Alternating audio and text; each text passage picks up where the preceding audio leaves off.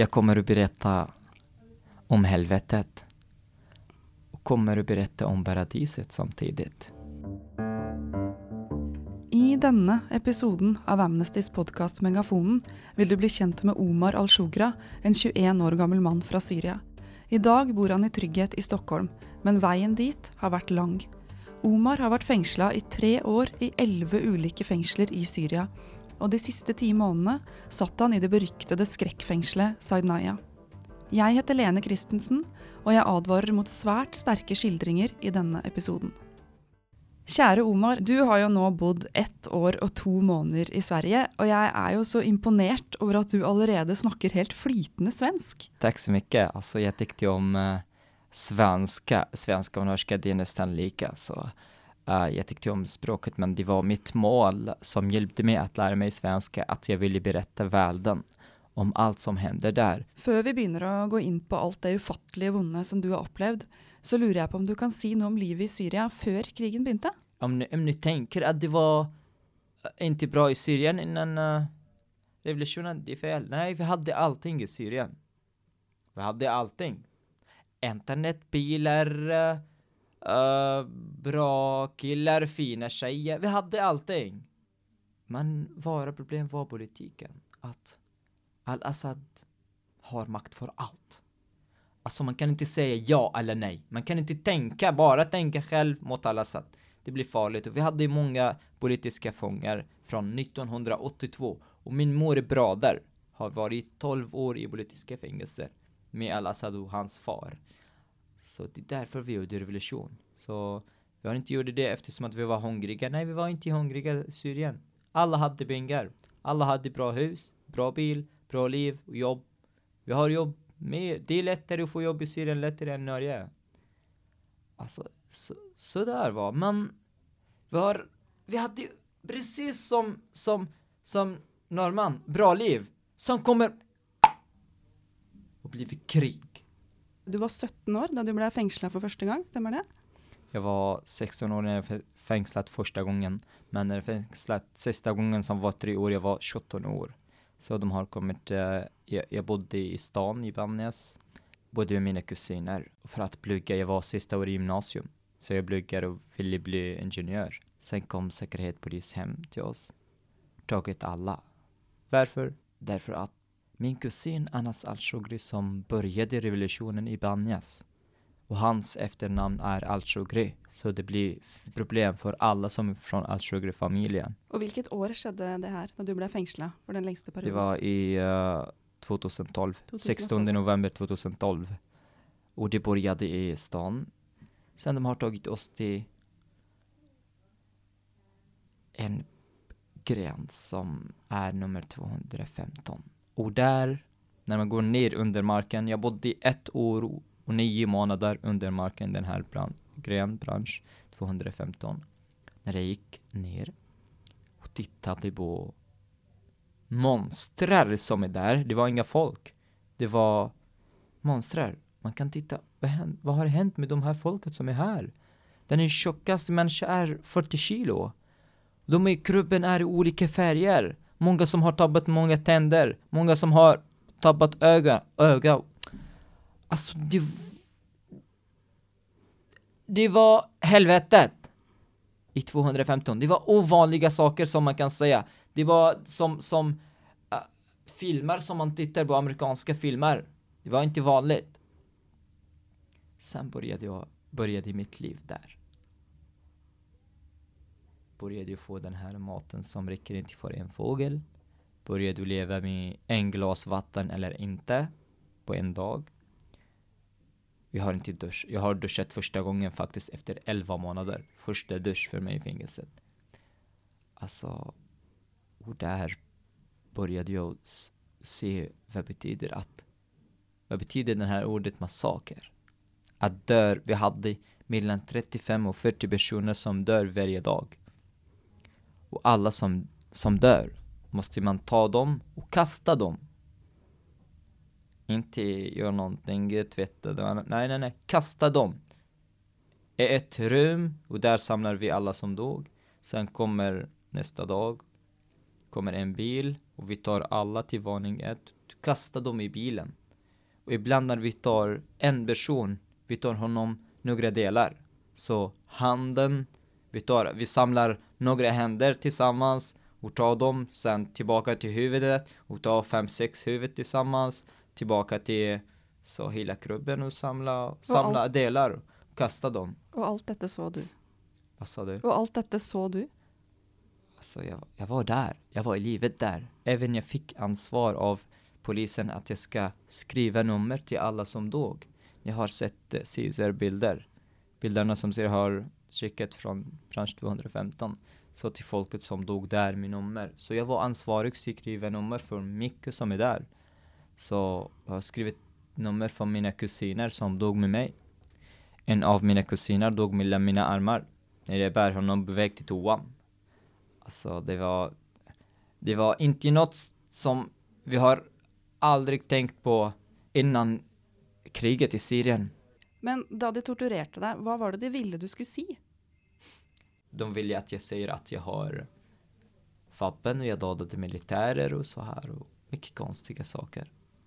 Så jag var ett barn. Och det var inga militär som dog där. Alltså de säger att Omar, hur många militär har du dödat? Alltså men om jag ska säga 25 militär har jag dödat. Eh, de ska säga vad heter de? Eh, är det ingen som dog där? Det är ingen. Så jag kommer, de vet att jag, jag kommer ljuga. Att jag ljuger. Alltså, det är ingen som dog och jag måste säga att jag har dödat folk. Det är inga vapen där och jag måste säga att jag har vapen. Ja, for du sa Du måtte jo til slutt bare De si måste noe. säga, sen i slutet efter sex dagar tortyr, sen jag sa stopp. Jag ville prata hela livet. För att jag vill inte tillbaka till tortyren. Det är inte lätt att få tortyr. Om jag ska säga bara, bara några ord om tortyren i Saidnaya. Tortyren är att tvinga folk att göra sex mot varandra. Tvinga dig, ge dig en kniv och säg till dig döda din bror. Kommer slakta folk. Ta naglarna. Använda elektricitet så man... Ah, man kan inte säga sluta. De, där frågar de ingenting. De vill bara tortyra dig. Så man kan inte stoppa det på något sätt. Nej, bara tortyr, tortyr. De hämtar en, en sked, eller gavel, och tar din öga. Alltså det har hänt med mycket folk.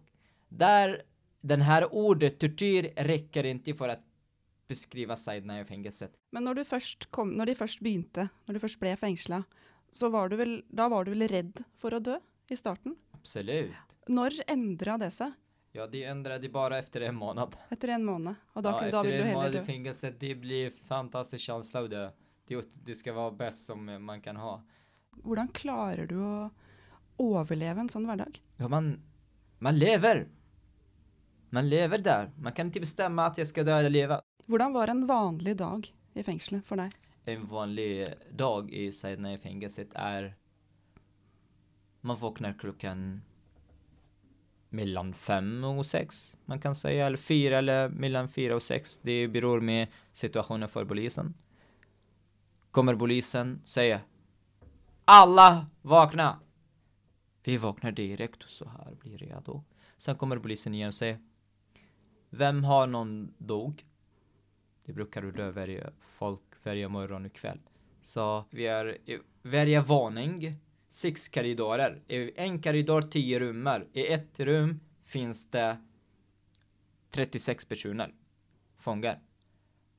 Sen kommer fråga, vem har någon som dog? Sen börjar folk säga, ja, i rummet nummer 10, jag har många som dog. Ja, i nummer nummer 3, jag har två som dog. Nej, i nummer, rum nummer 1, jag har tre som dog. Sen kommer efter, efter bara lite tid kommer polisen igen och säger Nu kommer läkaren om 10 minuter. Och om du har någon sjuk eller om du har någon trött eller behöver ambulans jag kommer döda dig. Alltså man får inte säga någonting till läkaren. Sen efter 10 minuter kommer uh, polisen och läkare för att uh, dö, uh, ta alla som dog och läkaren frågar oss. Vem är sjuk? Vem är ledsen?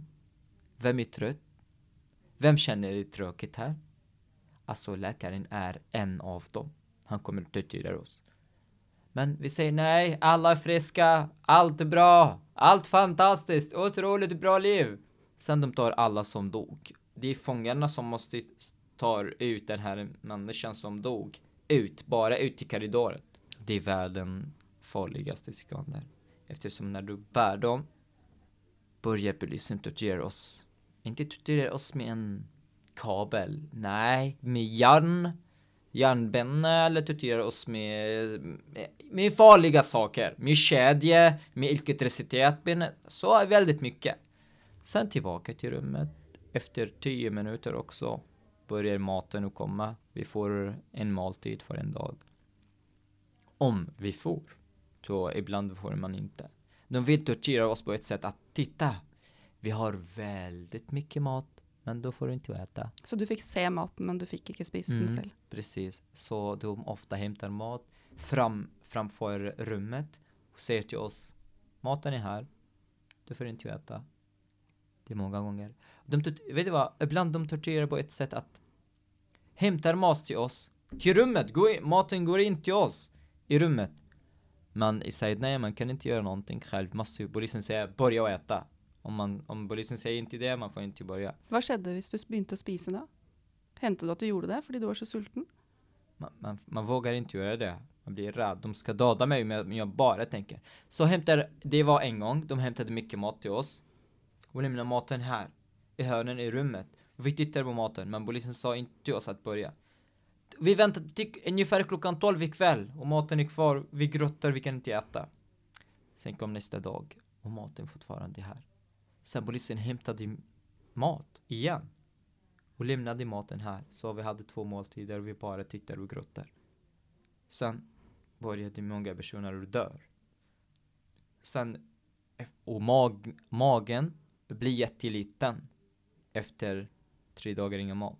Sen den dag nummer tre hämtade mat. Det blir väldigt mycket mat för oss. Sen polisen sa jag kommer om en halvtimme och jag vill inte se mat alls. Vi måste äta upp allting. Och när man blir utan mat alls för tre dagar, magen blir stängt. Man kan inte äta. Man är jättehungrig i hjärtat, i hjärnan, i munnen, i magen. Men man kan inte äta. Sen börjar de säga att ah, vi måste äta upp allting. Sen börjar folk vilja äta, men ingen kan äta. Det är ofta inga vatten, så man kan inte äta. Sen kommer polisen igen, och tittar maten är kvar säger Aha!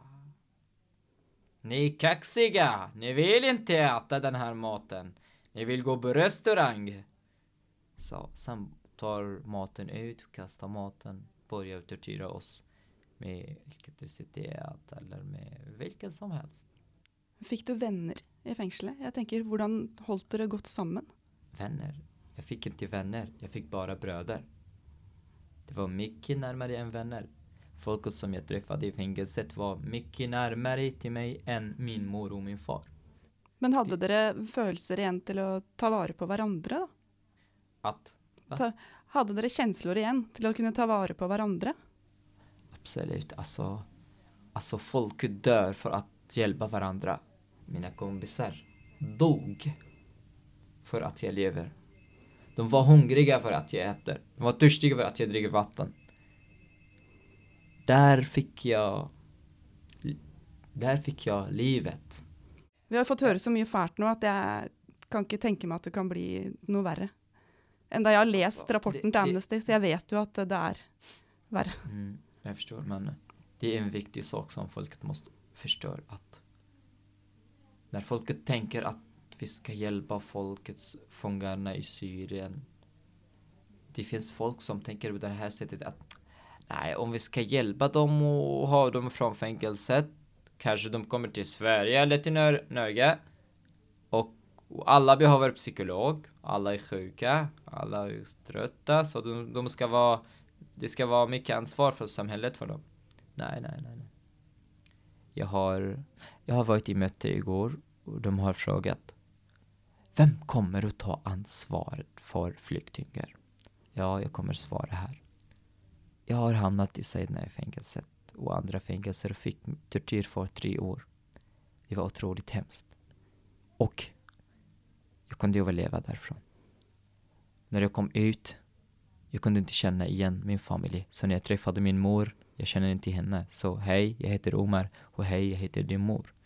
Känner ingen av familjen. De så sa- vel ikke igjen deg Ja. heller? For du jo- ingen, ingen alls. Även min mor känner inte mig. du jo efter- 35 kilo. Ja, precis. Så min mor kände till mig.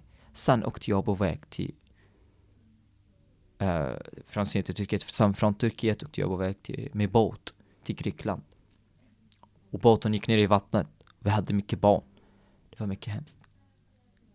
Sen åkte jag från Grekland till Makedonien, Serbien och jag var sjuk med tuberkulos. Jag var 35 kilo. Serbien, Kroatien, Slovenien, Österrike, Tyskland, Danmark, Sverige och jag är i Oslo. I Oslo i Norge just nu. Och jag, jobbar, jag jobbade i, i Sverige som lärare. Och jag jobbar just nu i ett företag. Alltså, det är vi som tar ansvar för sig själva. Alltså, vi behöver inte att någon tar ansvar för oss. Ja, for hvordan går det egentlig med deg i dag? Alltså, det var utbildning för mig i fängelset för att kunna uppskatta livet. När man kommer därifrån från helvetet så man känner att, ah, så skönt och lätt att bo här och bygga och göra och plugga och jobba. Jag älskar att och jobba. Älskar på riktigt att jobba och göra mycket. Och älskar samtidigt att berätta historien för världen. Jag kommer köra. Jag vill resa överallt i världen och berätta om det. Det är bra att berätta min historia, men också det är ansvar att berätta historien för fångarna som är där. Jag kommer att, jag vill få folket bredvid mig kan stödja mig för att försöka stänga ner den här fängelset, Saidna-fängelset. Vi måste stänga det här fängelset. Det är vi helt eniga med dig i. Och tusen tack, Omar, för att du fortalte historien din till oss, Och för att du bidrog med information till Amnestys rapport om de grusamma förhållandena i Sadnaya-fängslet. På amnesty.no så kan ni läsa mer om detta. Och kära lyttare, fortell gärna Omars historia vidare. För det är så otroligt viktigt att världen får veta vad som föregår. Tusen tack för att ni hørte på denna episoden.